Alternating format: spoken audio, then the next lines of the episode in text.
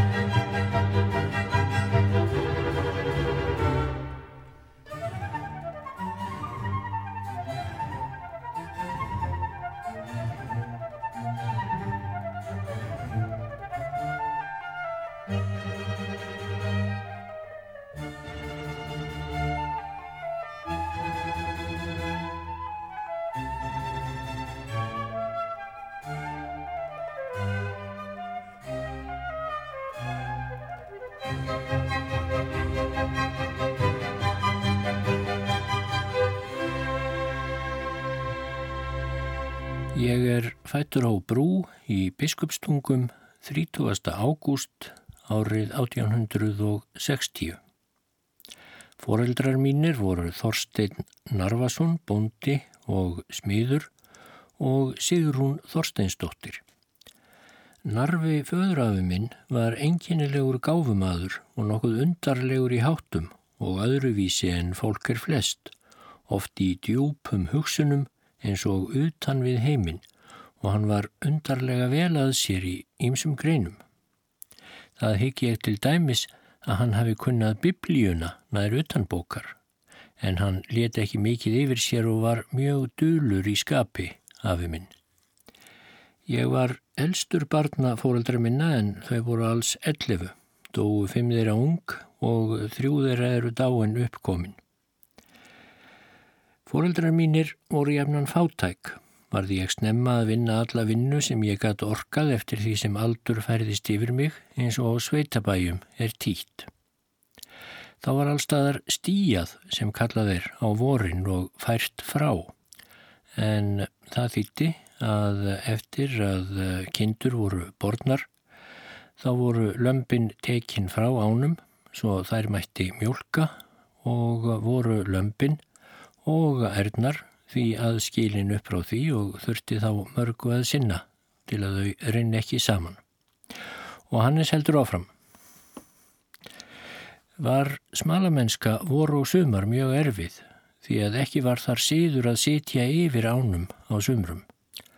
Man ég það að eftir fráfærurnar varð ég að fara á fætur í smalamennskuna klukkan fimm á mótnana þegar ég var orðin tíu ára gammal og varð ég þá ofta að elda erðnar óra veg inn undir afrétt þar að segja nánast til fjalla því að brú er næst efsti bæri í svetinni og þá er ég að koma aftur um tíu til ellifu leitið, þá vantaðu ofta eitthvað í hópin og varði ég þá að arka þegar af stað aftur og gekk svo leit ofta allan daginn svo að morgun smalamennskan lagðist saman við kvöld smalamennskuna og ef það vantaði nú enn eitthvað fyrir um kvöldið þá varði ég ofta að leita á nóttunni var það eina hjálpin að ég var þá léttur á fæti og oftast berfættur, en svepleysið þóldi ég illa eins og börnum er títt. Eru núornir breyttir tímar og óhörnuðum úlingum ekki ætluð eins erfiðverk og áður var, en það eru fráfærur nú víðast hvar hættar, ærnar látnar ganga með lömpum sínum og smalamennska því niður fallin á þann hátt sem þá var. Það er auðvitað heilsusamlegt fyrir unglinga að hreyfa sig hefilega en öllum á ofbjóða og ég vissi dæmi til þess að unglingar voru beinlínis hálf drefnir á örðugri smalamennsku. En gamla fólkið var ekki vorkunlátt í þeim efnum. Þetta og þaðan að verra hefði því verið bóðið í esku þess, saði gamla fólkið, og ekki kvartað neitt, annarkort væri að duga eða dreppast. Það þýtti ekki að bjóða nú sömu unga fólkinu hér í Reykjavík þar sem krakkarnir í sveitinu urða þóla fyrir 50-60 árum. En eftir fermingu þá var ég látin hætta þessari smala mennsku því ég þótti þá gera meira gagn við sláttin. Margar góðar minningar á ég frá fyrstu æsku árum mínum. Þar og meðal frá smala árunum þótt erfið væru. Þá verður barsálinn oftast nær fyrir djúpum og varanlegum áhrifum af fegurð náttúrunnar og mótast af henni. Þá er unglingurinn er aðleinn, stattur anspænis þeirri fegurð, þá finnur hann einhver dularfullan og enkenlegan fögnuð streyma um sál sína. Hinnar allra fyrstu þess konar minningar mínar stafaða því er ég dálítill nokki, átta eða tí ára gamall, fór á stekkin með móður minni snemma á mótnana. Þá er veður var gott og bjart og sólinn stráði geyslum sínum á vöttn og völlu. En hvað mér þótti gaman að því að sjá litlu lömpin er þeim var hlift út úr steknum og hversu mæðurnar voru ákafar að leita hver að sínu lampi og hversu ánægulegur allur hópurinn var þegar því var lokið. Barninu finnst að það eigi eitthvað meirinn lítið skilt við lillu lömpin og hefur þess vegna hinnar mestu mætur á þeim og þau áhrif haldast lengi að mannum þykir vænstum smælingjana meðal jæmt manna sem dýra að því þeir eru mest ósjálfbjarga og hjálpar þurfi. Ég man eftir mörgum fagurum vorumorni er ég að vera að reka lambærnar frá steknum Þá er sólargislarnir glitruðu í morgundögginni, ilminn lagði upp úr skóarkjarrinu og allt var eins og yðandi af lífi og fugglarnir kökuðu allt umhverfis. Slíkir morgnar, slíkar hátíðarstundir, gleymast aldrei hversu gamal sem maður verður. Sérstaklega er mér minnistæð ein fögur vornótt um Jónsmessuleitið. Var ég þá líklega 13 til 14 ára gammal og var að leitað ám sem vantað hafði um kvöldið. Var ég um lánættið stattur á svonemdu Steinsholti, skamt frá hinnum alkunna Guldfoss og hafði ég reyndar aldrei áður komist svo nálegt honum, hafði aðeins stöku sinnum heyrt dinja í honum í fjarlægð og þótti það vita á þerri var þá sagt það tekur í gullfoss. En nú var ég komin nálegt gullfossi, sá vaskuðun að leggja upp af honum og heyrði hinn þunga nýð hans er rauf kyrða nætturinnar en ekkert annað hljóð heyrðist.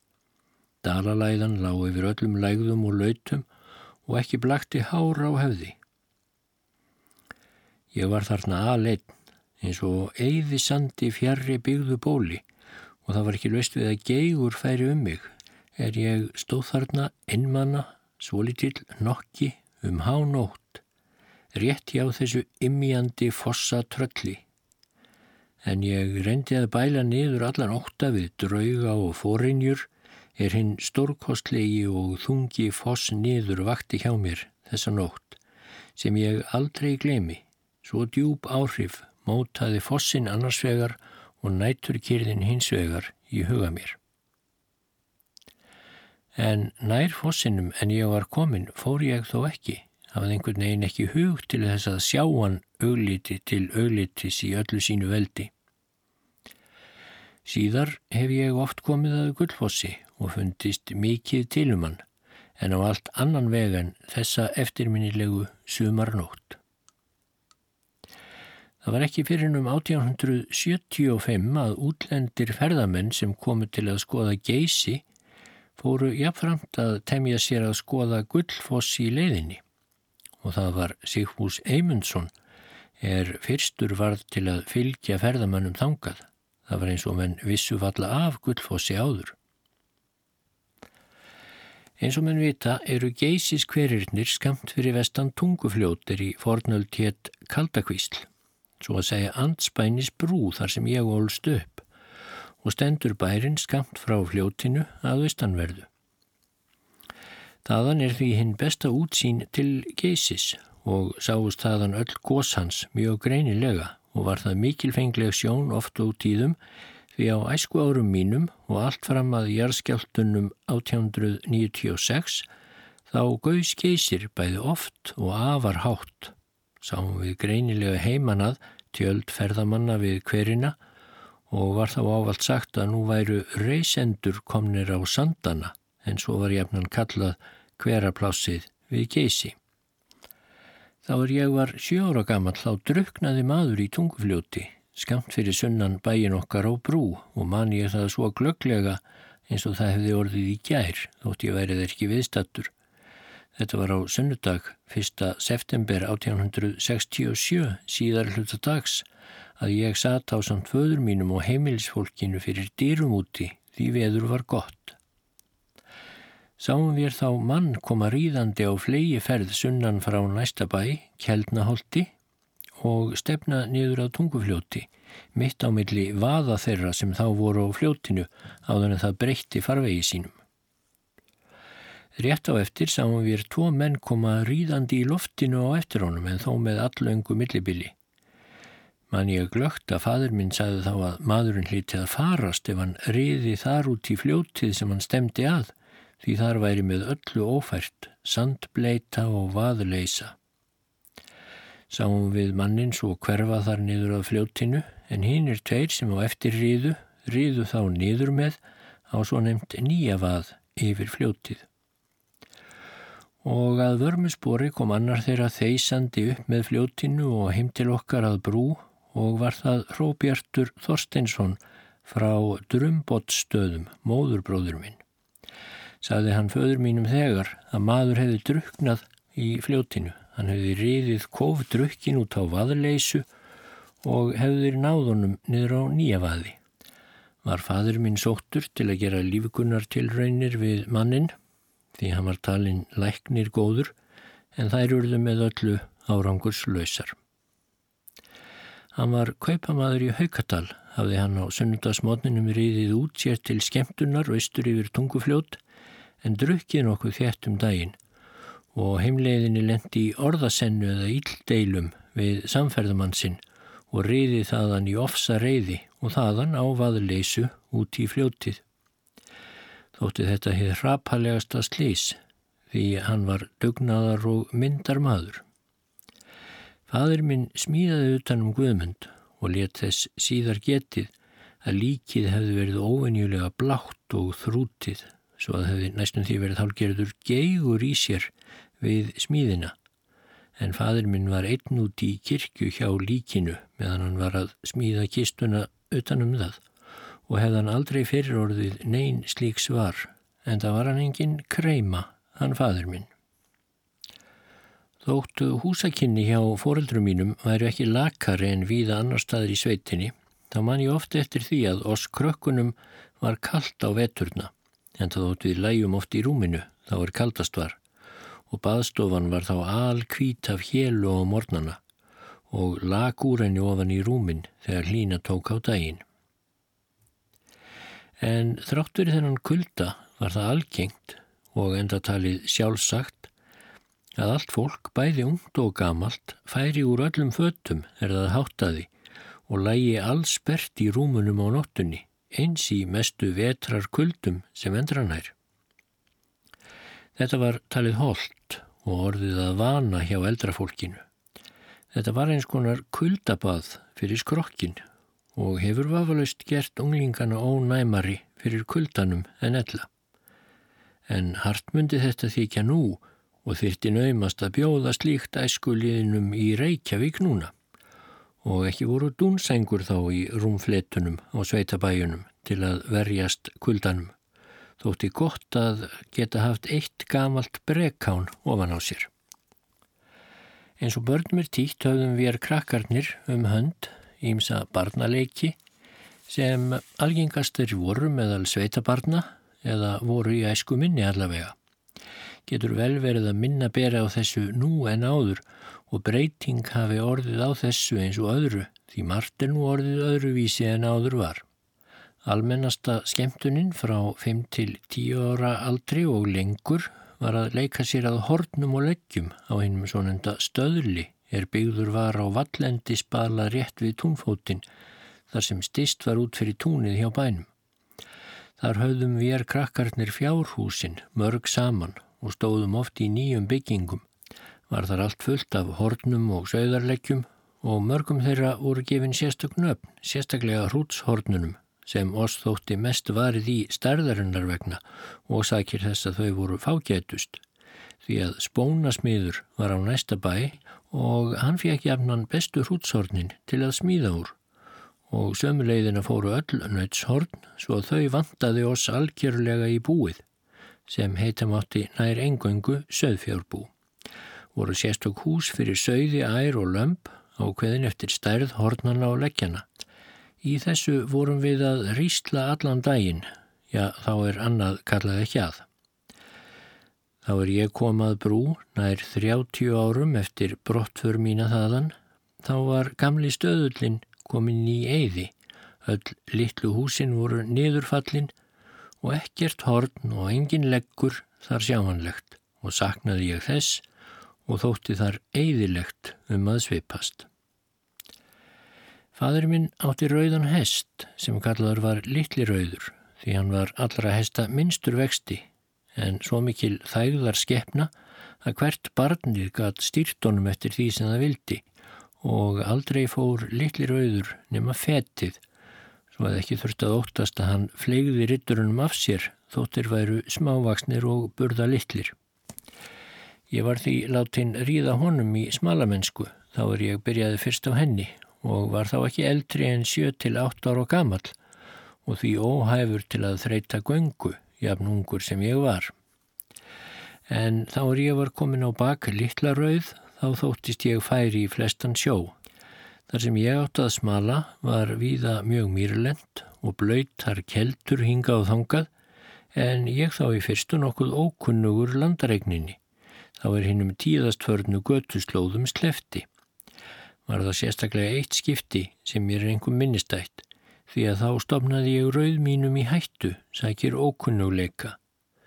Var ég þá stattur á mýrarfláka allmiklum, vestan undir svo nefndir í brúarheiði og ætlaði að stitta mér leið með því að fara þvert austur yfir hana, beina sjónhendingu upp í heiðina en hafði ekki hugmyndum að þar var ófært yfir með hesta og því aldrei farið vegna breyðrar fúakeldu sem lág eftir miðri mýrinni en um það var mér ekki kunnugt þá eða ég hugsaði allavega ekki neitt út í það að nokkur torfhæra gæti verið þarna.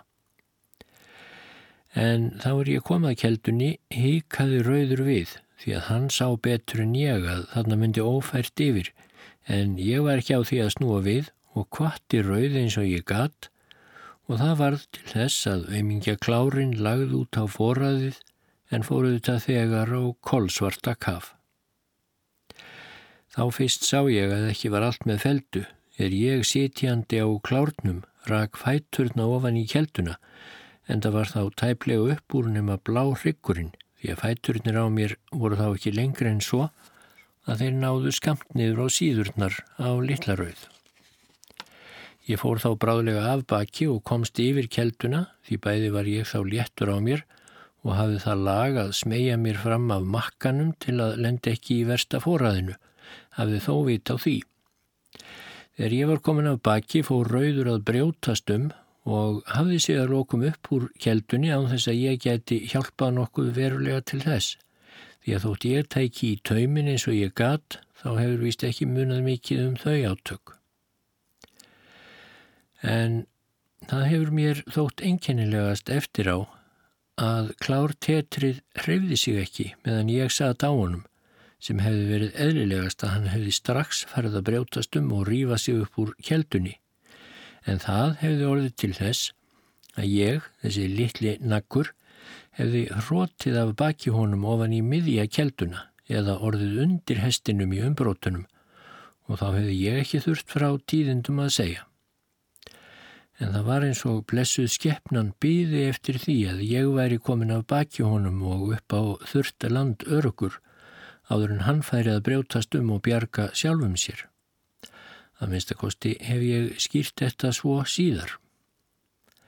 En heilir komumst við rauður báðir úr þessari svaðilfor og var það vissuleg ekki minni forsjá að þakka en ég hétt því og emdi það að nota mér aldrei framar þægð rauðs til að hleyp honum út í slíka ófæru. Ég varð að teima rauð allangan veg upp í heiði til að geta komist á bakhaftur því í mýrinni var engin bakþúvan og há fyrir mig, svo stuttur var ég. En þá er ég fór að stekka, þá fekk ég ekki að ríða rauð lengur við smalamennskuna. Þá var ég ekki talin of góður til að fara gangandi en ávalt saknaði ég rauðsmýns og hinnar frábæru þægðar hans. Og svo var það eitt haustkveld að bóndi af næsta bæ kom til föður míns og sagðist ætla söður á Eirarbakka og vera komin til að taka litlarauð eins og talað hefði verið um. Þá komst ég fyrst að því en hafði verið dölinn þess áður að nú átt að senda rauð minn til slátrunnar söður á bakka. Mér fjælst svo mikið um þetta að ég fór að gráta, en vissir endar að þessu varð ekki afstýrt. Ekki var ég látin sækja rauði í þetta sinn, heldur tók pappi hann sjálfur á túninu og afhendi hann nákvæmna sínum. En er þeir bröðu sér inn til að drekka kaffi, þá skauðst ég út á hlað til rauðs, klappaðunum um hausin og hálsin, svo engir sáu, og kvattan eins vil og ég gatt, hálf kjökrandi þakkað honum fyrir alla þægðina og alla samveruna því nú sæjumst við aldrei oftar en hann nýri haustnum upp við mig. Slíkur var skilnaður okkar litlarauðs, vögnar mér ennum augu er ég minnist þessa bensku vinnar míns.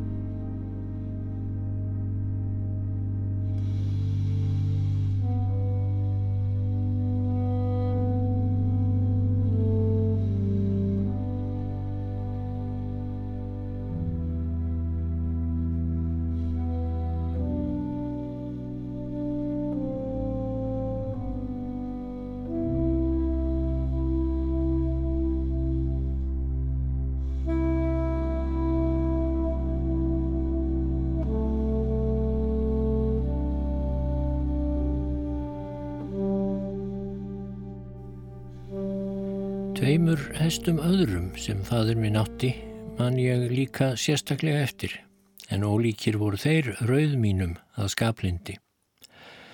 Var annar gráblesóttur og kallaður gráblesi, einkennilegur á ýmsalund og hesta vitrastur. Það var eins og gráblesi vissi fyrir ílt veður því það kom oft fyrir að hann kom hlaupandi af haga og inn í hús og þá brást aldrei að óveður var í námt. Grábleysi var ekki styggur að jafnaði en stundum kom það fyrir ef fara átt í langferð meðan að mjög illt var að ná honum.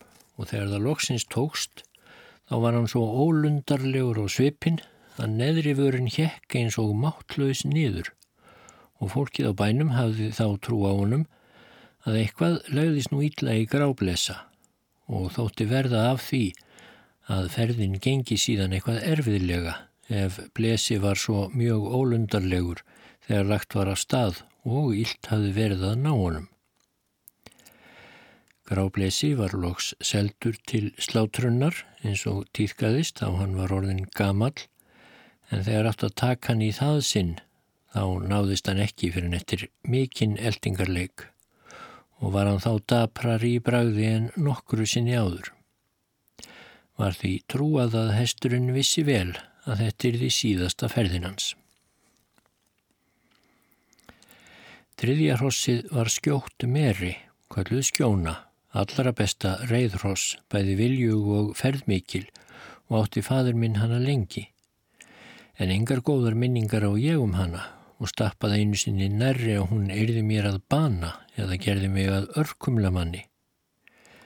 Var það einn sunnundasmorgun vorið sem ég fermtist að ég átti að fara til barnaspurninga að Haukadalskirkju og ætlaði móður mín með mér og átti að ríða skjónu.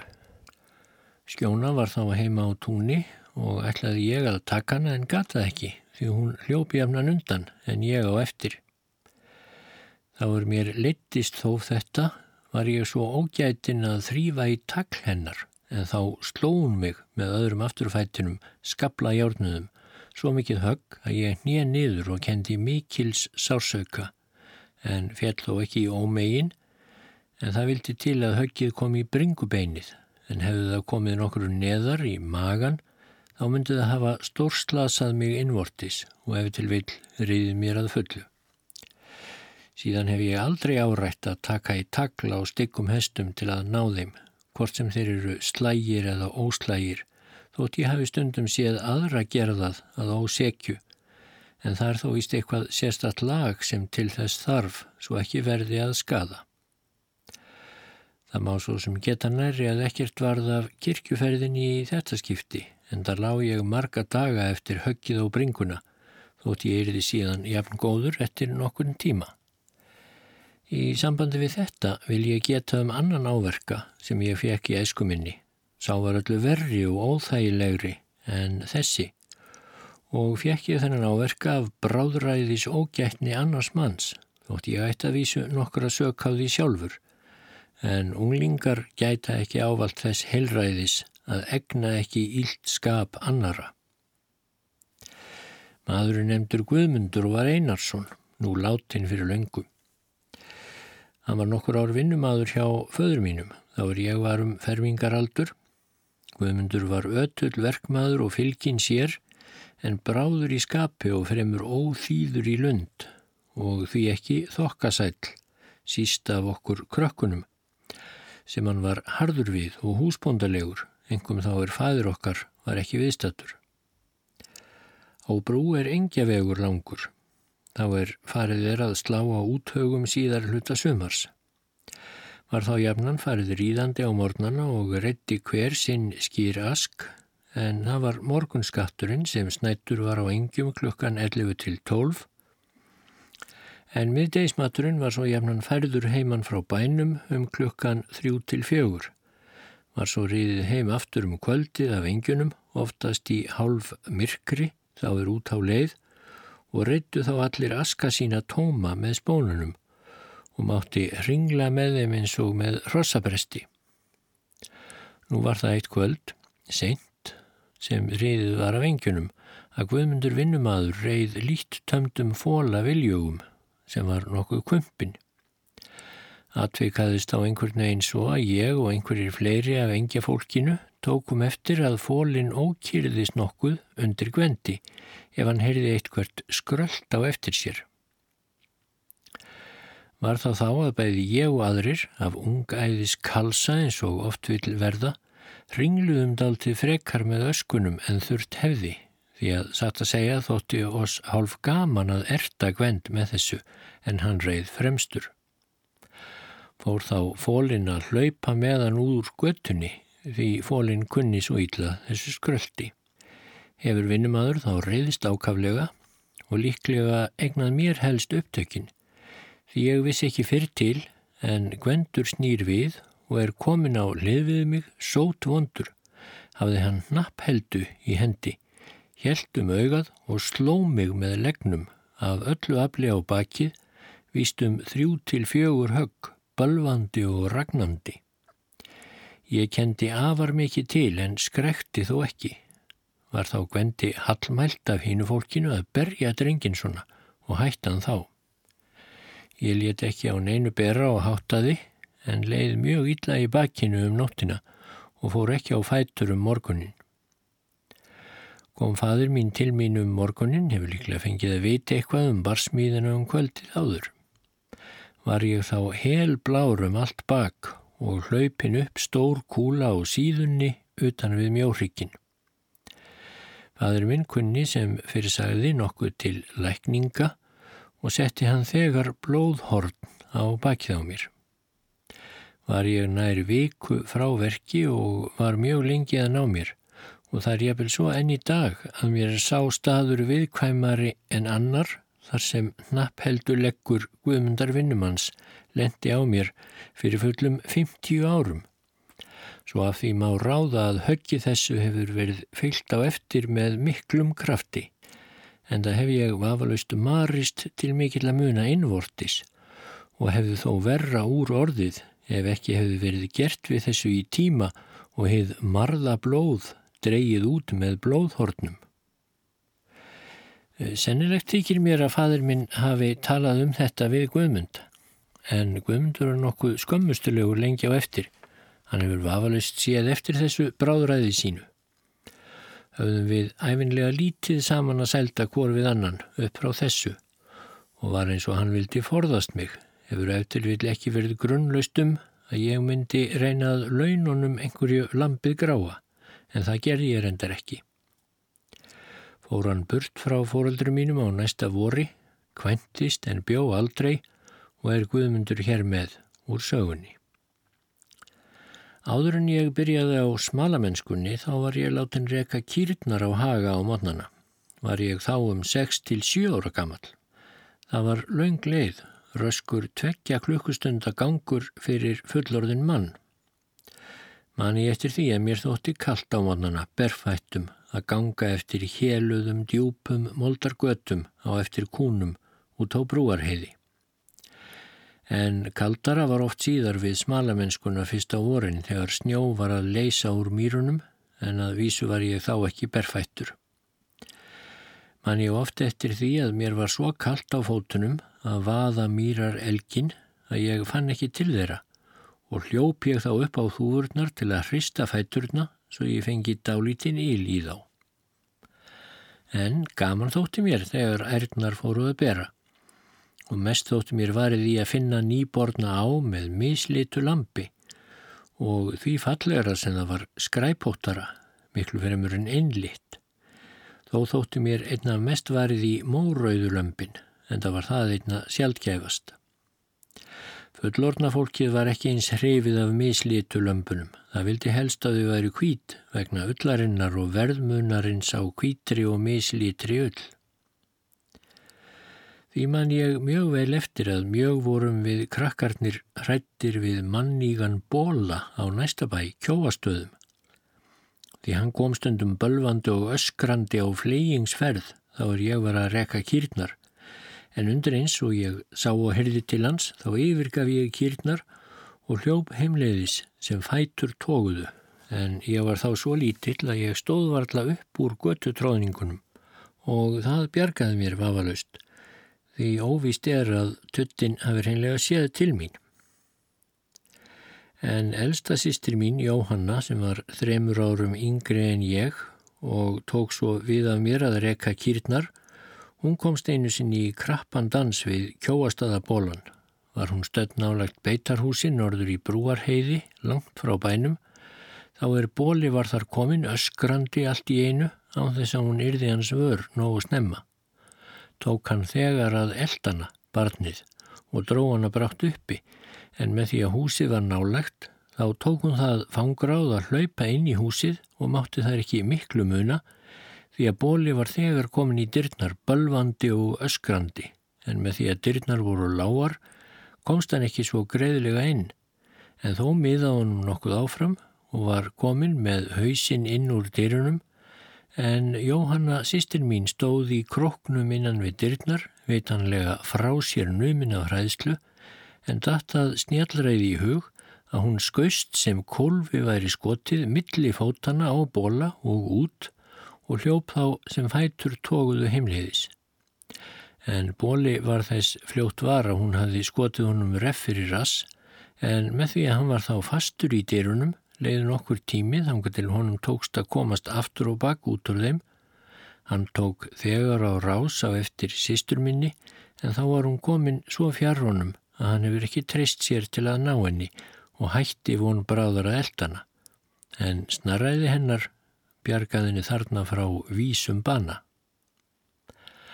En bóla var slátrað skam eftir þetta og þótti nágrununum ekki ófyrir sinju en það þótt fyrr hefði verið hafði oft verið skorað á eigandana lóunum og býða þess ekki að hann yrði manns bani. Í sambandi við beitarhús það sem ég gat nú um og kallað var heiðarhús þá dettur mér í hug atbörður sem ég aldrei get glemt. Hús þetta var í eins og háls eða tveikjastunda gang frá bænum og voru þar hafðar ærnar á veturna en annað hús handa lömpum var miðja vegu milli hins og bæjarins í svonundu stekkatúni því að þar var stíjað á vorin. Við þessi húsbæði voru dálhlar heilöður er innan gengt var í úr húsunum þó var sá munur á þeim að við efrahúsið, ærhúsið var aðeins heitóft, þakkinn torfi og jafnankölluð kuml. Ekki var venja þar eistra að standa yfir og daginn í haganum og voru þá húsin jafnan látin standa opinn til að fér geti gengið út og inn nema í mestu vetrarhörkum og jarðbönnum þá er alls engir hagar voru því að þá var húsinum lokað. Svo var það eitt kvöld á góðunni að mig minnir að upp úr sólbráð um daginn og bestaveðri brast á feikna kavals hríð af norðri með mjög miklu frosti svo að al ófært var í útihúsin daginn eftir. En veðrið harnaði meir og meir og stóð svo að mig minnir tvo-þrjá daga. En er dálitið rofaði til og fært varð aftur til húsana þá var aðeins eftir helmingur fjárins í Efrahúsinu, heiðarhúsinu en hinu eða lamphúsinu hafði verið lokað. Minnir mig að það væri um 30 fjár sem höfðu rakist frá Efrahúsinu og fannst sumt lífandi í fanninni, það sem skemst hafði rakið frá húsinu, en það var þó meirum minna skattað, flest af því, svo því var ekki líft. En sumt fjöð fannst ekki fyrir en snjó leisti um vorið. Sumt af fjennu hafði rakist að langar leiðir og frosið niður í svell og var það flest allt dögt. En sumt var aðeins tórandi og var átakanleg sjón að sjá það þegar verið var að pikka fíð upp úr svellunum sem allra varlegast sem und væri ef það væri með lífi. Þær kindur sem talið var að væru enn á lífi, þær voru fluttar heim til bæjar og hjúkrað þar og lifðu þær sömar. Víðar rakti fíð í byl þessum á næstu bæjum en skaðin var einna mestur hjá föður mínum.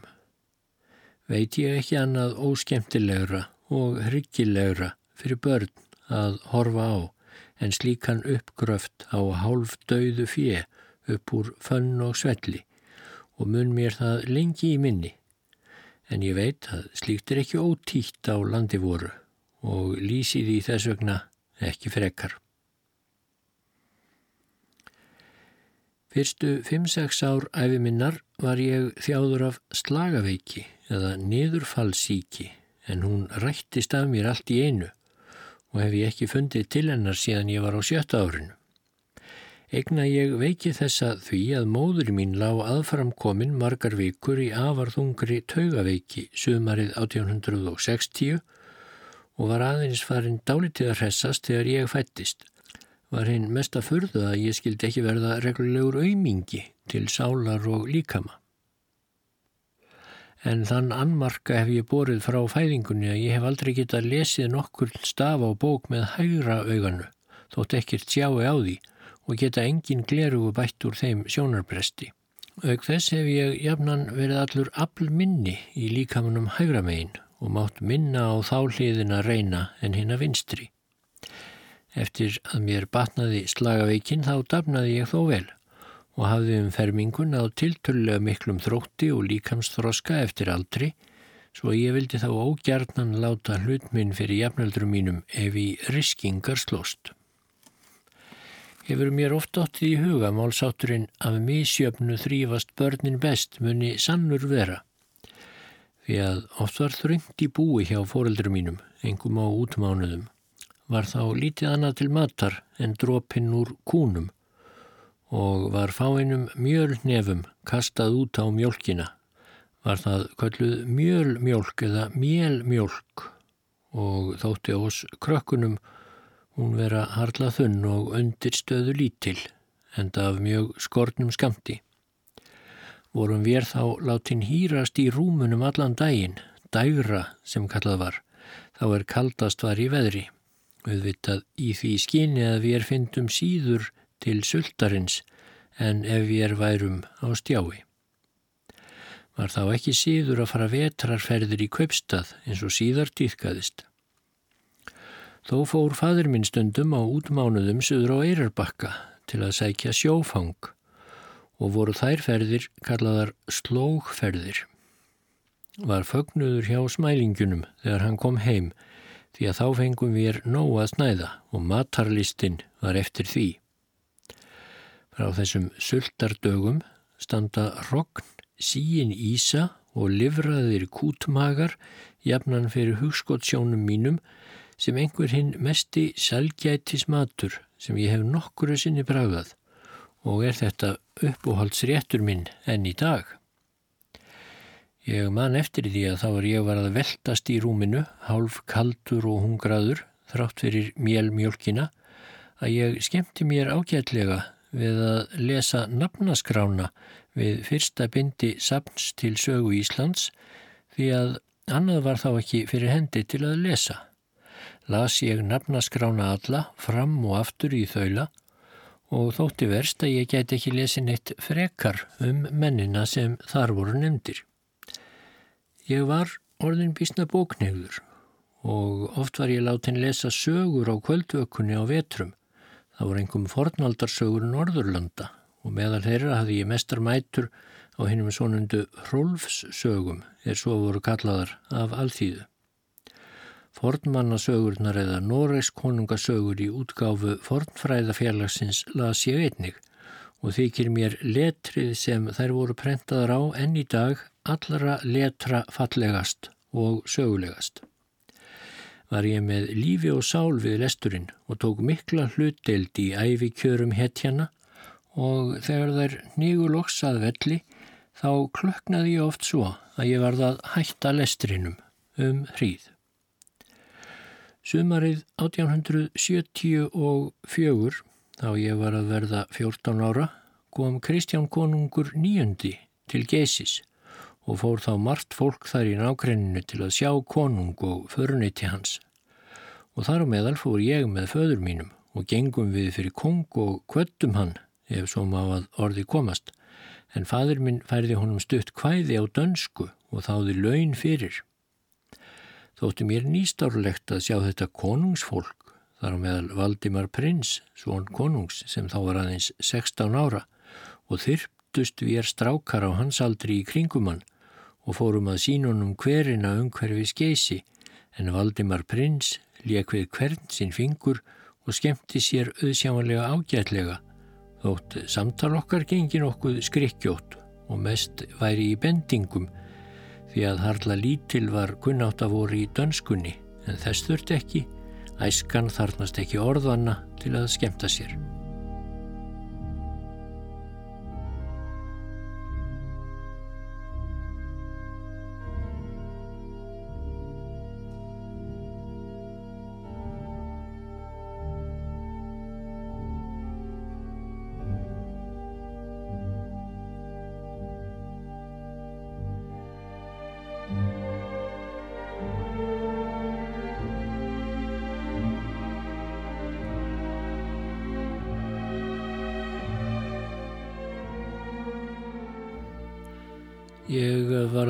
Lesa úr endurminningum Hannessar Þorsteinssonar, þjóðskjálavarðar, rítstjóra og alþingismanns og ég ætla að halda því áfram í næsta þætti.